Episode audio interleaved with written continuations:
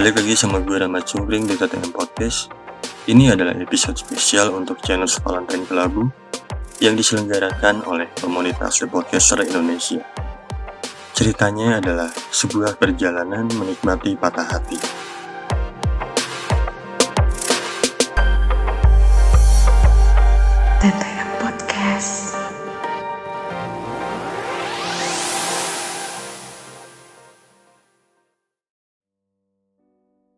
Tanggal 3 Oktober 2017 adalah awal cerita dimulai.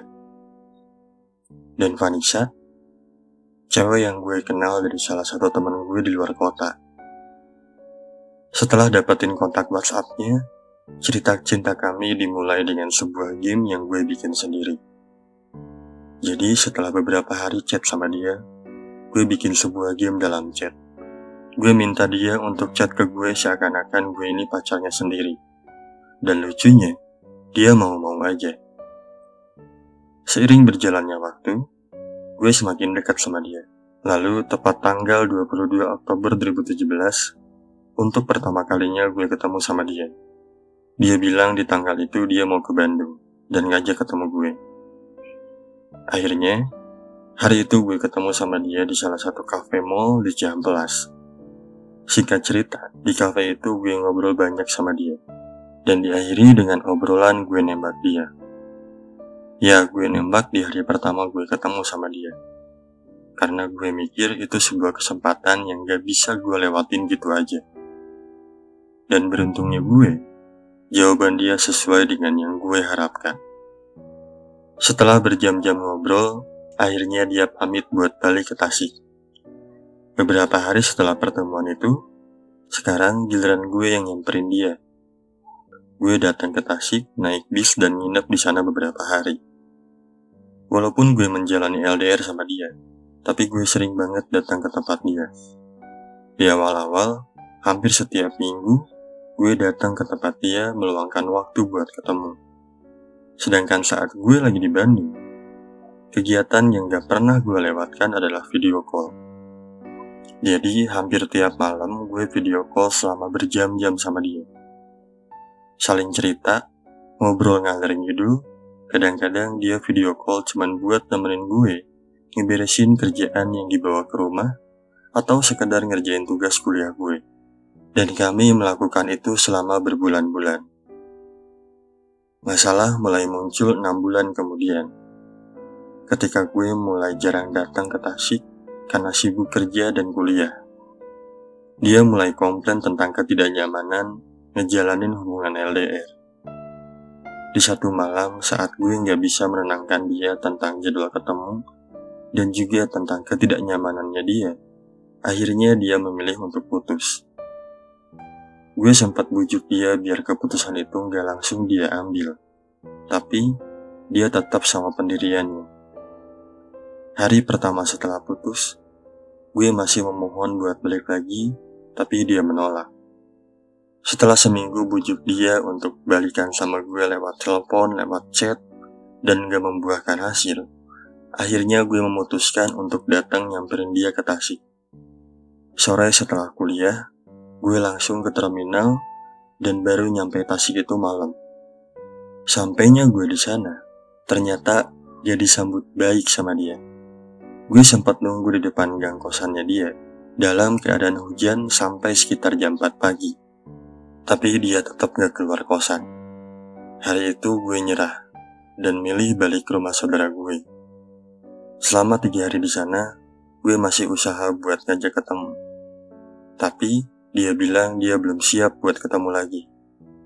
Jadi hari keempat di sana, gue memutuskan untuk balik. Setelah gue nyampe terminal, tiba-tiba kepikiran buat ke Jakarta, bukan balik ke Bandung. Gue nggak tahu mau ngapain ke Jakarta. Yang jelas, di pikiran gue pergi aja dulu.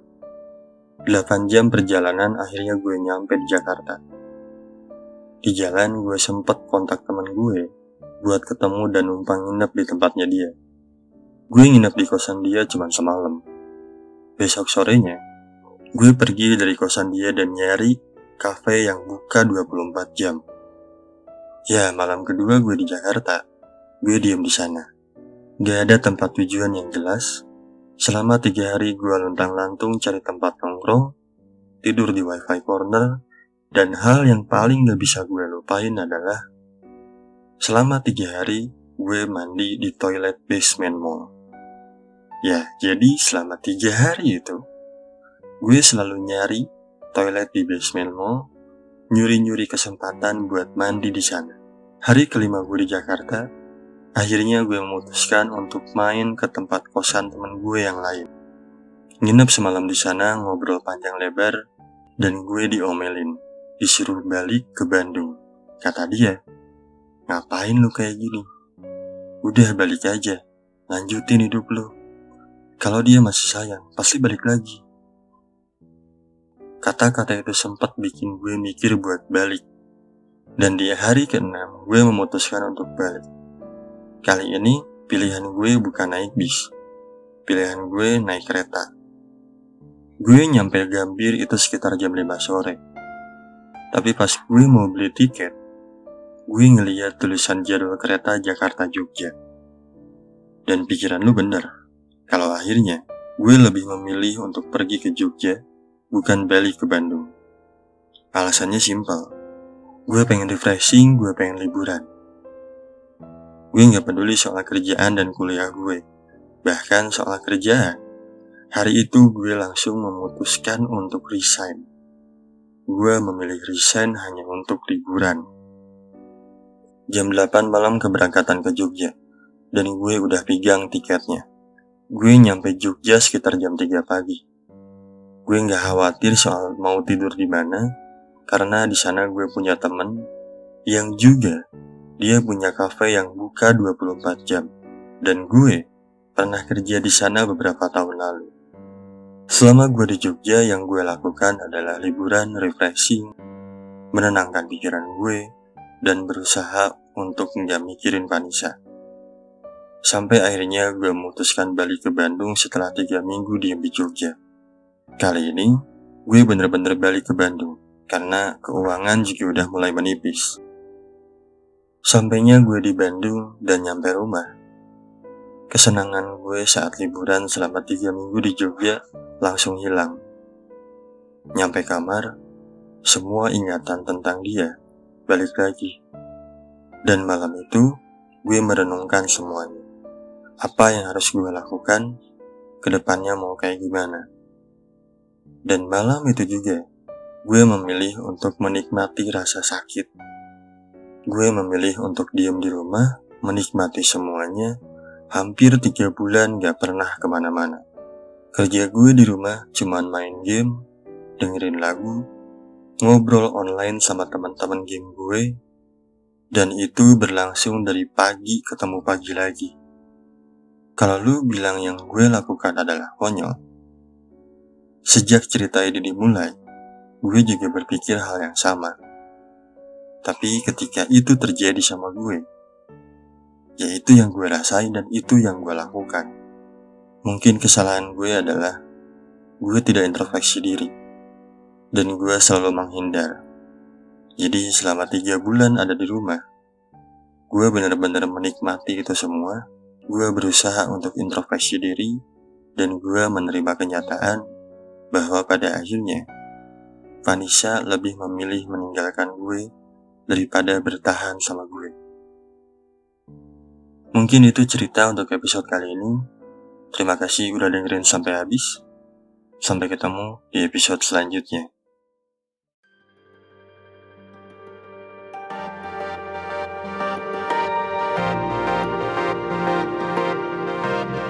Podcast. Buat kalian yang mau cerita berprosesnya kalian, bisa kirim ceritanya ke email ttmpodcast.story@gmail.com atau ke Instagram ttm.podcast. Kalian bisa cerita tentang apa pun dan kapan pun kalian mau. Karena yang gue tahu, bahagia sendiri buat apa, rasa sendiri itu kan gak nyaman. Gue Rama Cungkring, pamit undur diri.